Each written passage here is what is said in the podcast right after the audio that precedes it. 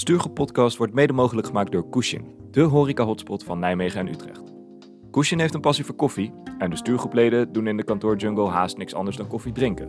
Een match made in heaven dus. Je kunt niet alleen bij de fysieke locaties van Kushin terecht voor een heerlijk pakje koffie, maar je kunt jouw koffiebonen of cups ook thuis laten bezorgen. Zo ben je ook tijdens het thuiswerken verzekerd van goede koffie. Ga nu naar kushin.nl, dat is K-U-S-H-I-N.nl en krijg 10% korting op jouw koffie met de code de stuurgroep 10. En dan nu door naar de podcast.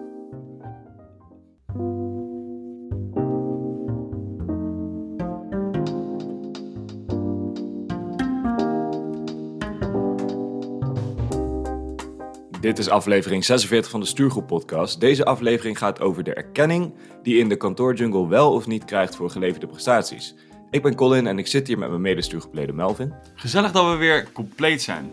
Ja, want Koen is er weer bij. Hallo jongens, ik ben helemaal zen teruggekeerd van vakantie. Ik kan in ieder geval stellen dat we in de vorige aflevering de prestaties van Koen in ieder geval voldoende erkend hebben. Je bent niets tekort gekomen en ook zeker een paar centimeter de lucht ingeschoten. Nou, bedankt nog jongens. Ik zit wel wat ongemakkelijk met al die veren in mijn reet. Maar goed, je kan ook niet alles in het leven hebben, hè?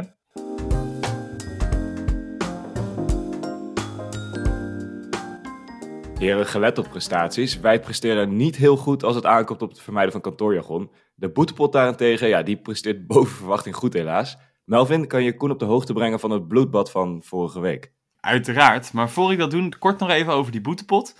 De kantoorjargon boetepot wordt namelijk steeds aangevuld met een euro als één van ons drie kantoorjargon gebruikt. En wat wij allemaal onder kantoorjargon verstaan, dat is te vinden op de website www.stuurgroep.nl. Dat betekent, wanneer ik iets erin wil fietsen, terwijl ik niet meedoe aan ter land, ter zee en in de lucht, Melvin een tikkie naar mij stuurt.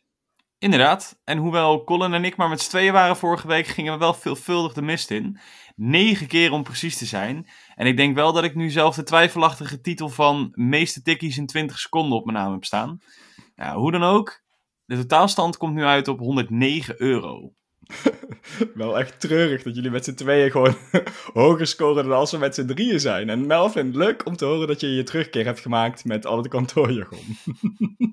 Ja, inderdaad, Melvin was weer op zijn best. En ehm, in de evaluatie hadden we het nog over, eh, is epibreren nou kantoorjargon of niet? Nou ja, epibreren is doen alsof je heel druk bent, maar eigenlijk doe je geen ene fuck.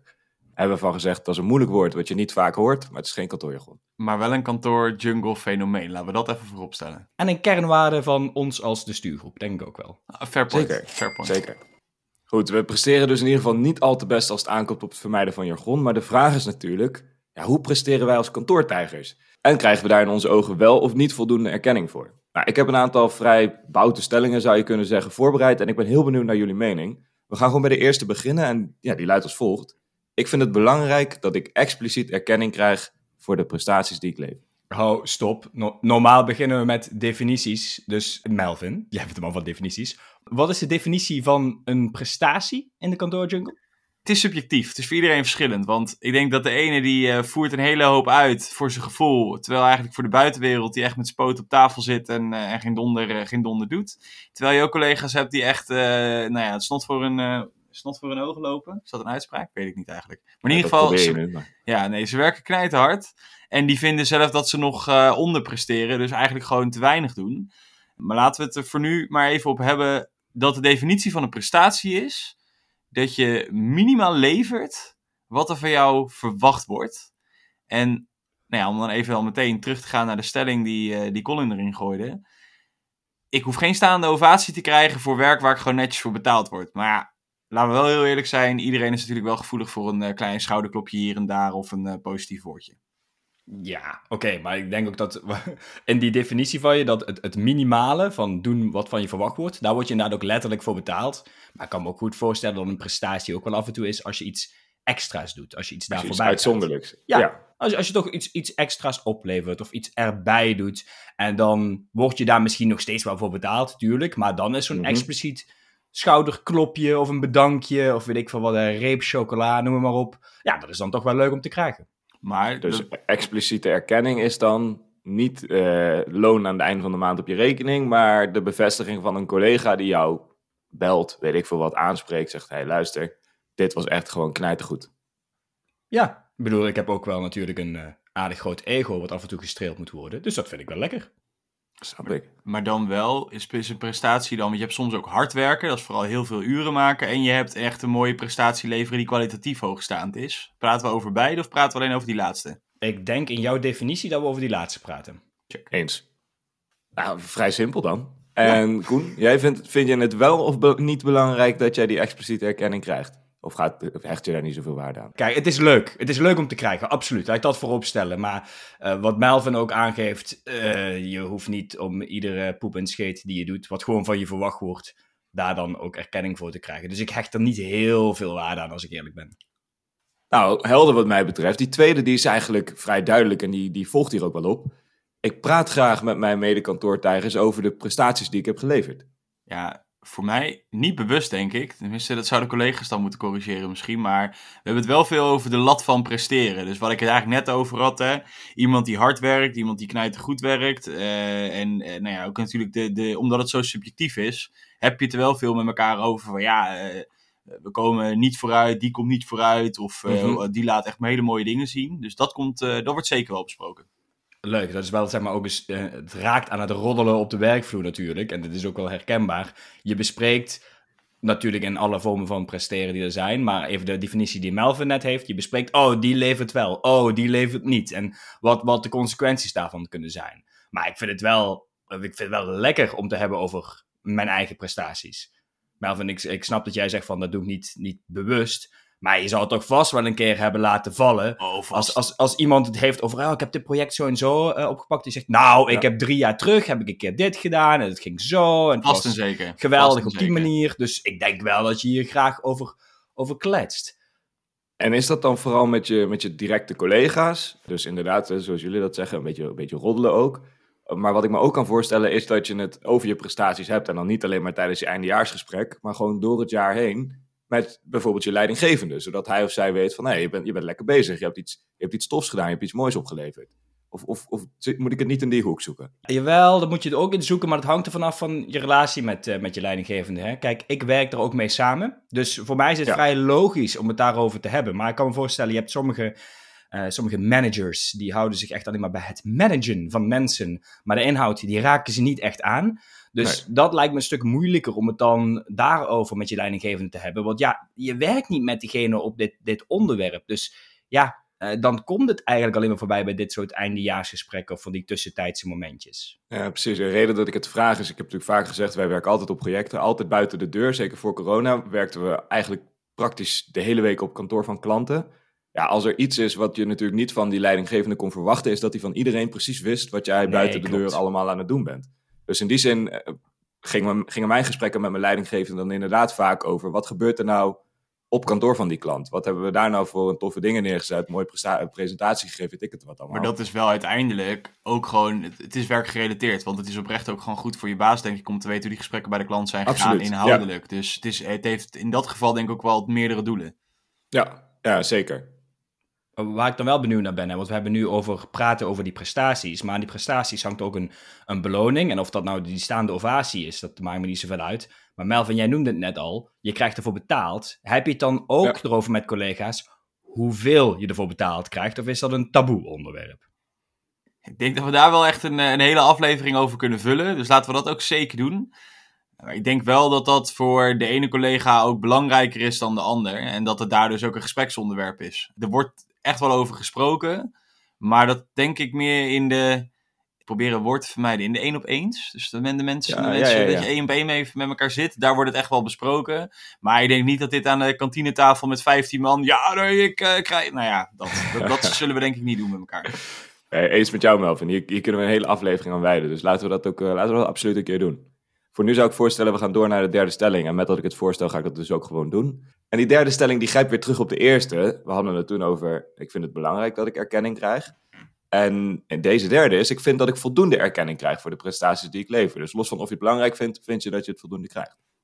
Korte antwoord is ja. Dus eh, ik zei al eerder, ik heb niet heel veel van die expliciete erkenning nodig. Dus daarvoor krijg ik voldoende. En het antwoord Mhm. is nog een keer dubbel op. Ja, als je kijkt naar wat Melvin noemde, het, het salaris wat je ervoor krijgt, het loonstrookje wat binnenkomt. Uh, zeker het, het vak waarin uh, nou, Melvin en ik specifiek dan zitten, schaam ik me af en toe voor die, die erkenning tegenover, weet ik wat, verpleegkundigen of leraren die nu meeluisteren. Ja, ik kan me voorstellen. Schandalig. Ik heb hier echt helemaal niks aan toe te voegen, want ik ben het helemaal eens met Koen. En ook in mijn geval, weet je, die schouderklopjes en die waardering, die komen tussendoor. En dat is, dat is meer dan voldoende. Dus in combinatie met dat financiële aspect uh, heb, ik, heb ik zelf in ieder geval niks te klagen. Nou, jullie, jullie hebben zelf niks te klagen, maar stel nou dat je om je heen ziet hè, van hey, iemand is echt eigenlijk gewoon knijtergoed bezig, maar krijgt daar heel weinig over te horen. Benoemen jullie dat dan? Als je ziet van hey, die persoon die krijgt eigenlijk in mijn ogen te weinig waardering voor wat hij aan uitzonderlijke dingen aan het doen is. Nou, dat, is een, dat is een mooie laatste stelling. Uh, ja, weet je, als er iemand op zoek is naar erkenning, dan merk ik aan mezelf altijd dat ik een beetje recalcitrant word. Dat is gewoon een soort van puppy die na een trucje dan heel graag een koekje wil. Ja, weet je, daar ga ik persoonlijk niet heel erg oké op.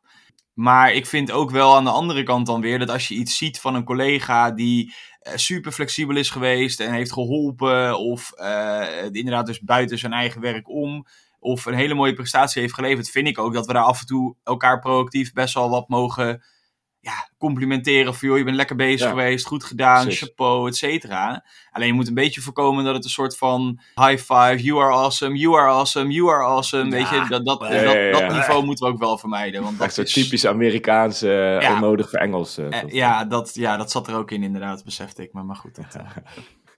Oh, oh, dat, dat laatste echt nekharen gaan overeind staan. Want dit gebeurt dus inderdaad wel. Ik zie het om me heen wel regelmatig gebeuren. Terug te komen op, de, op, die, op die stelling. Ik denk dat. Eh, nou, de puppy gaat me wat ver. Maar ik ben gewoon, zeg maar, bezig met werk. En de mensen om me heen ook. Dus ik denk er niet bij na dat er expliciete complimenten daarbij nodig zijn. Ik denk dat als iemand mij feedback vraagt of het komt erop aan dat ik echt zie dat er iets extreems gebeurt, dan zeker, dan doe ik dit wel. Of ik zie dat iemand er even doorheen zit en de persoon heeft dat nodig. Maar heel eerlijk, ik ben bang dat 99% van de tijd dat ik gewoon denk, nou, we zijn hier allemaal met hetzelfde doel, we willen iets moois neerzetten en we gaan er gewoon voor. Dus ja, dan ben ik bang dat ik niet expliciet ook nog complimenten en schouderkloppen uit een delen ben. Nee, maar het is wel goed dat je beetje eigenlijk ook weer, weer, weer terug aan de definitie van Melvin. Dat het vooral niet moet zijn datgene wat er van je verwacht wordt, maar meer het, het, het boven verwachting groeien, dat je dat benadrukt. Maar ja, als iemand gewoon doet wat er van hem of haar gevraagd wordt, ja, dan ga je dat niet ook nog eens. Nou, uh, heel goed hoor, dat je dat. Uh, dat nee. je weten te doen wat wij allemaal van jou verwachten dat je vandaag zou doen. Nee, nee, nee. maar nog weer lopen benadrukken. Nee, precies. Maar ik denk dat dat dan, uh, zeg maar, in dat boven verwachting goed zijn. Hè, dus dat iets extra's leveren. Ja. Dat dat ook echt dan terugkomt op het moment dat die prestatie geleverd wordt. Of op het moment, wat je net ook al zei, zo'n eindejaarsgesprek of iets. Uh, ja. of, als iemand feedback wil, dan dat je dan op dat moment specifiek nog even noemt. Omdat je denkt van, nou, je doet goed, zeg maar, je komt voorbij die minimale drempel van je presteert. Maar je hebt nog iets extra's gedaan en dat vond ik toch wel zo noemenswaardig. Maar dat ga ik niet dag in, dag uit benoemen. Nee, zeker niet. Absoluut niet. Begrijpelijk. En maakt het dan nog uit of het een collega jong of oud is? Dat je bijvoorbeeld een jonge kantoortijger wat vaker een schouderklopje geeft? Een beetje bemoedigend, weet je wel? Jij komt er wel. Ja, of maakt dat voor jullie niet heel veel uit? Ik denk dat qua leeftijd, uiteindelijk zijn we allemaal, uh, allemaal mensen die ook een klein beetje waardering en erkenning nodig hebben. Uh, ongeacht leeftijd, zeg je? Ongeacht leeftijd, zeker. En maar misschien dat iemand die wat jonger is en nog wat meer zoekend is, wel, ik weet niet of het dan erkenning is, maar wel een stukje bevestiging nodig heeft. Maar je bent op de goede weg. Je bent op de goede weg. Zo bedoel ik hem inderdaad. Ja, exact. Dus dan is het ja, bevestiging, erkenning.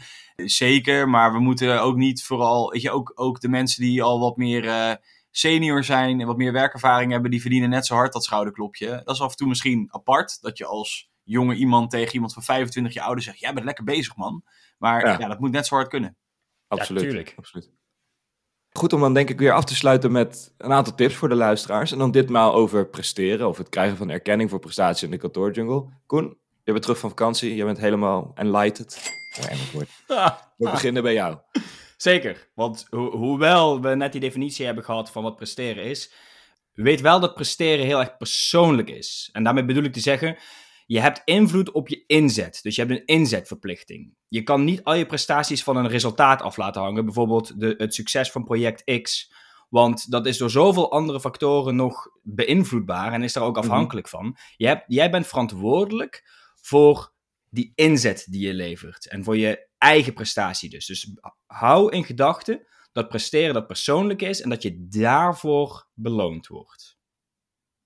Hij is echt, heb je een mooi boek gelezen of zo op vakantie? Ik, ben helemaal zen. Echt, de Boeddha zelf is er niks bij. Ik Je ben, zou, eh, je ik zou ben een boek moeten van. schrijven. Je zou een boek moeten schrijven, jij. Oh, een goed idee. Leuk. Melvin, Melvin, doe je oren even dicht, want ik denk dat jij eh, spontaan eh, jeuk krijgt door je hele lichaam als ik eh, uitspreek wat ik hier nu eh, denk uit te gaan spreken. ik, ik ging net al een beetje die kant op, maar mijn tip zou zijn, eh, zeker als je werkt in een organisatie als ik, dat je dus vooral voor projecten, voor klanten werkt buiten de deur, is dat je intern echt moet werken aan je zichtbaarheid. Ehm, dat is een euro. Wat, Dank, wat- wat- gelukkig, wat- godzijdank. Wat is, eh, wat, wat is dat, Colin, dan die zichtbaarheid? Leg uit. Nou, dat- ja. Dus Google even, hoe werk ik aan mijn zichtbaarheid? Nou, dan kreeg je 20 miljoen hits, denk ik. anyway, wat, wat bedoel ik met we- wees zichtbaar of werk aan je zichtbaarheid? Is dat je niet bang moet zijn om te benadrukken dat je buiten de deur, of waar dan ook, dat je af en toe iets tofs hebt gedaan. Dat je eens een keer een, een, een gave presentatie gegeven hebt. Dat je mocht spreken op een, op een conferentie. Dat je een, eh, product dat we eigenlijk altijd te laat opleveren, dat het eindelijk is gelukt om dat wel volgens de planning te doen. Het klinkt misschien een beetje als opscheppen en het kan een beetje ongemakkelijk voelen. Maar het zorgt er aan het einde van het jaar wel voor dat je beloond wordt voor alles wat je dat jaar gepresteerd hebt. In plaats van alleen waar je manager of je leidinggevende toevallig van heeft gehoord op de wandelgangen. Mag ik mijn oren weer open doen? Ja, oké. Ja, de, de Thanks. oorkleppen mogen af. Thanks, thanks. Ja, nee, ik, ik, sluit me, ik sluit me volledig aan bij Koen. Weet je, die inzetverplichting, daar gaat het inderdaad om. Je levert een bijdrage gewoon door je in te zetten. Doe dat gewoon iedere dag met volle overtuiging. En dan komt enige vorm van waardering echt wel vanzelf. Of ik ben misschien te naïef, maar... Ja, en eh, des te meer jij je bezig gaat houden met je resultaten en erkenning, ik denk dat je daardoor uiteindelijk ook alleen maar ongelukkiger wordt. Want op een gegeven moment, weet je, het gehalte van die puppy die ik er straks aangaf, ja, die moet je wel vermijden. En ik heb stiekem mijn oren open gehad tijdens wat jij zei, eh, Colin. Als je dat in ieder geval voorkomt, dat je die puppy bent die iedere dag kijkt van, kijk, ben ik lekker bezig geweest, hè, gisteren. Mhm, dat, dat, dat, dat niveau van zichtbaarheid, dat moet men wel vermijden. Laat dat mijn tip zijn. Nou ja, jongens, of, of je nou extreem zichtbaar bent als een, als een puppy of gewoon lekker de oor- en oogkleppen opzetten, lekker doorwerkt. Dit was in ieder geval een prestatiemeting van je welste. Ik ben meteen weer toe aan een huurvakantie. Nou, laten we die maar snel gaan boeken dan. Voordat we dat doen, hebben we een oproep aan jou, beste luisteraar. Want denk je nou, die stuurgepleden, ach, die zien alweer iets over het hoofd. Of wil je juist meepraten over onderwerpen zoals zo'n prestatiemeting? Stuur ons dan gerust een mail op info.destuurgroep.gmail.com of neem contact op via onze social kanalen. Voordat we overgaan naar de afsluiting, rest ons nog te melden dat we er ook volgende week weer zijn met een nieuwe aflevering van de Stuurgroep Podcast.